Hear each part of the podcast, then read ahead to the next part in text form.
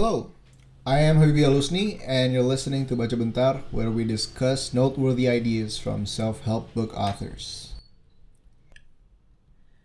You know, after a long day, after doing school tasks, going to meetings, preparing for your assignment or exam, maybe doing sports or exercises, maybe doing something relaxing like watching a movie.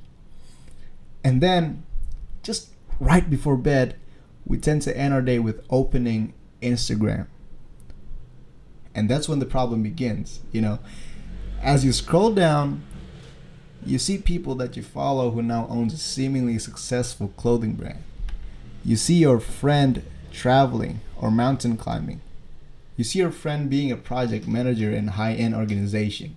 You see them doing boxing tournaments. Someone you know from high school now has a giant chicken farm making good money. Someone you know in college you got an internship. You know, you see these 5 out of 10 dudes in relationships with a 9.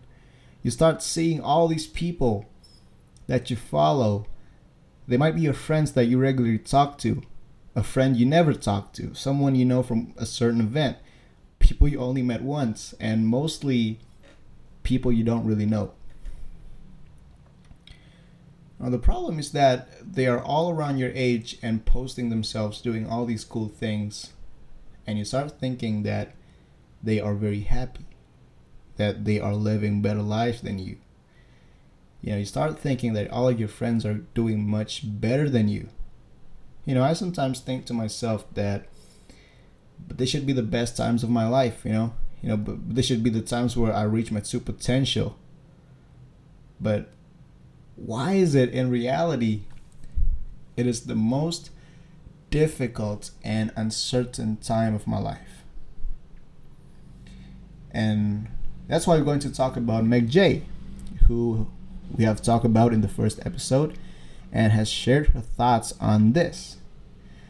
Today we are going to talk about Meg Jay and her thoughts on the difference between authentic goals and the tyranny of the should, why we feel left behind in life, and how to let go of these unnecessary pressures.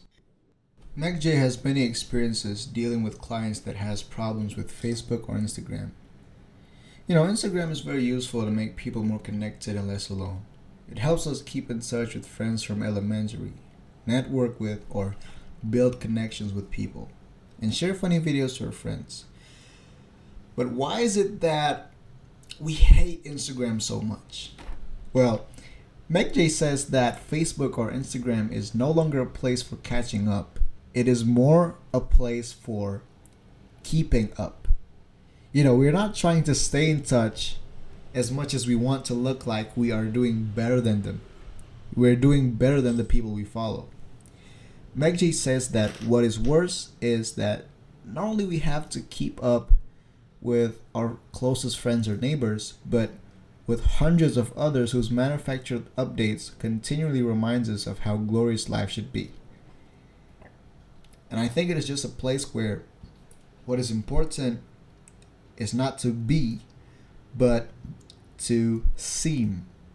Now, if you start scrolling on social media you might find yourself thinking that everyone is on a road trip, riding nice bikes, and has a pretty girl with them. But when you go to Google and check the statistic, you're going to find out that 9 million people are unemployed. The mean salary is not that much. You can see high dropout rates, depression and anxiety are rates are high, and you can see that people everywhere are actually struggling, especially during this pandemic. And by the way, if you're listening to this podcast, high chance is that you're doing quite well. You're probably above average. And Meg Jay also says in her book, quote, this underestimation of how much other 20 somethings are struggling makes everything feels like an upward social comparison. One when our one where our not so perfect lives look low compared to the high life of everyone else seems to be living. It is just messing with our heads, thinking of all the things we should be doing. We forgot about what we truly want. We forgot about our goals. This is where we will discuss Meg Jay and her thoughts on the search for glory and the tyranny of the should. Meg Jay says that, quote, each person has an inherent urge to grow towards his or her potential. Much in a way, an acorn becomes a tree. But because we all aren't acorns and won't all be oaks, there is bound to be confusion about what exactly growing towards our potential means. Some 20 somethings dream too small, not understanding that their 20 something choices matter and are, in fact, shaping the years ahead.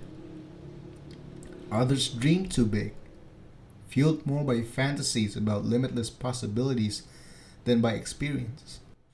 And here's what Meg Jay says that really got me thinking.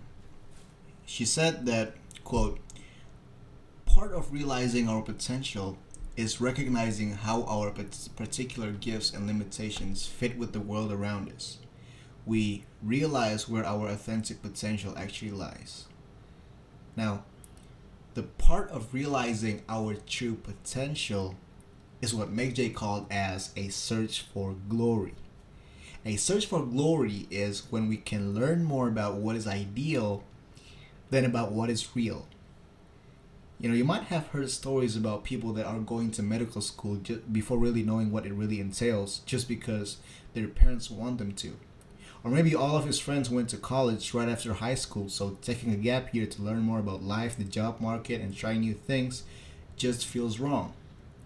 It feels like it's just not it's just not something he should be doing. Or like Instagram that suggests that our teen or early 20s lives should look happier than it is. Jay says that sometimes we get confused about whether we are striving for our potential or being in a search for glory.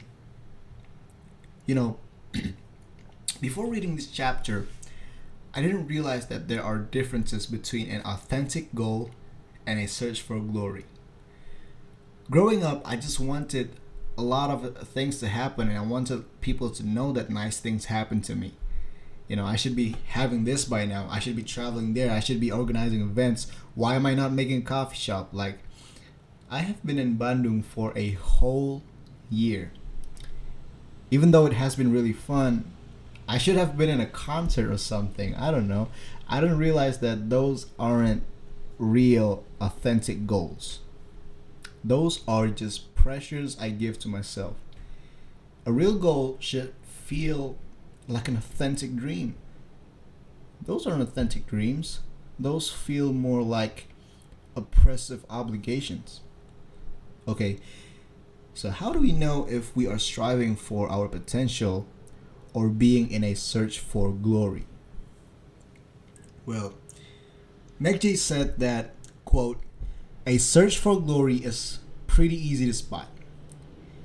Any search for glory is propelled by what we call the tyranny of the should. Shoulds can disguise or seem like high standards or lofty goals, but they they're not the same. Goals direct us from the inside, but shoulds are paralyzing judgments from the outside.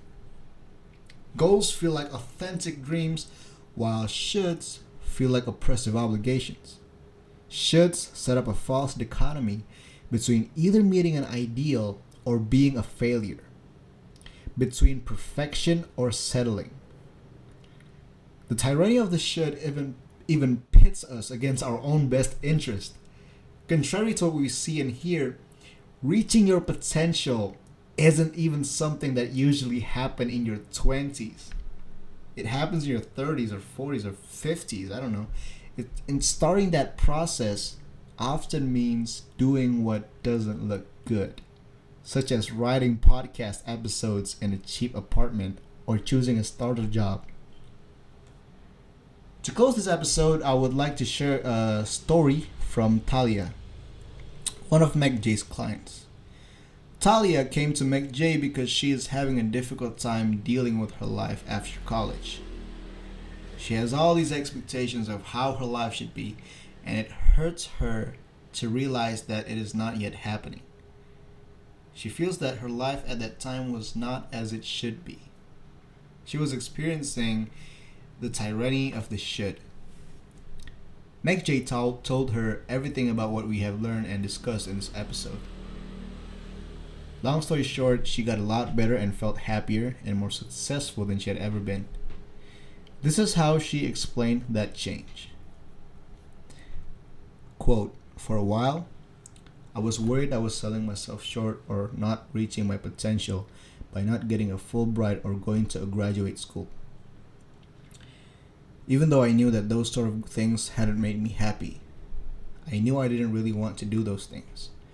But it was like what I was doing wasn't any good because it wasn't the best thing I saw people doing. I knew I had to stop worrying about how life's supposed to look because it wasn't pretty. I stopped thinking about whether what I was doing was below me. I learned to not worry about how to make it to the next level and just focus on the job at hand. If they were willing to let me do it, I was willing to try. I think the fact that I never felt like I was better than those around me and that I was just focused on learning and getting results is what has led me to better and better my things at my company. I guess you could say that I gained humility. I saw that bigness came from the from investing in what I had, from taking part in what ha- was in front of me. I have been able to discover a career field I never would have considered, and I have learned to appreciate my talents. I have more courage and self confidence. I have a lot more perseverance. So far, my 20s have been a great but rude awakening. I'm even grateful for the internal transformation I've gone through. And that's her story. And thank you so much for listening to this episode, and I hope we can learn something from this and have a great day. See you next week.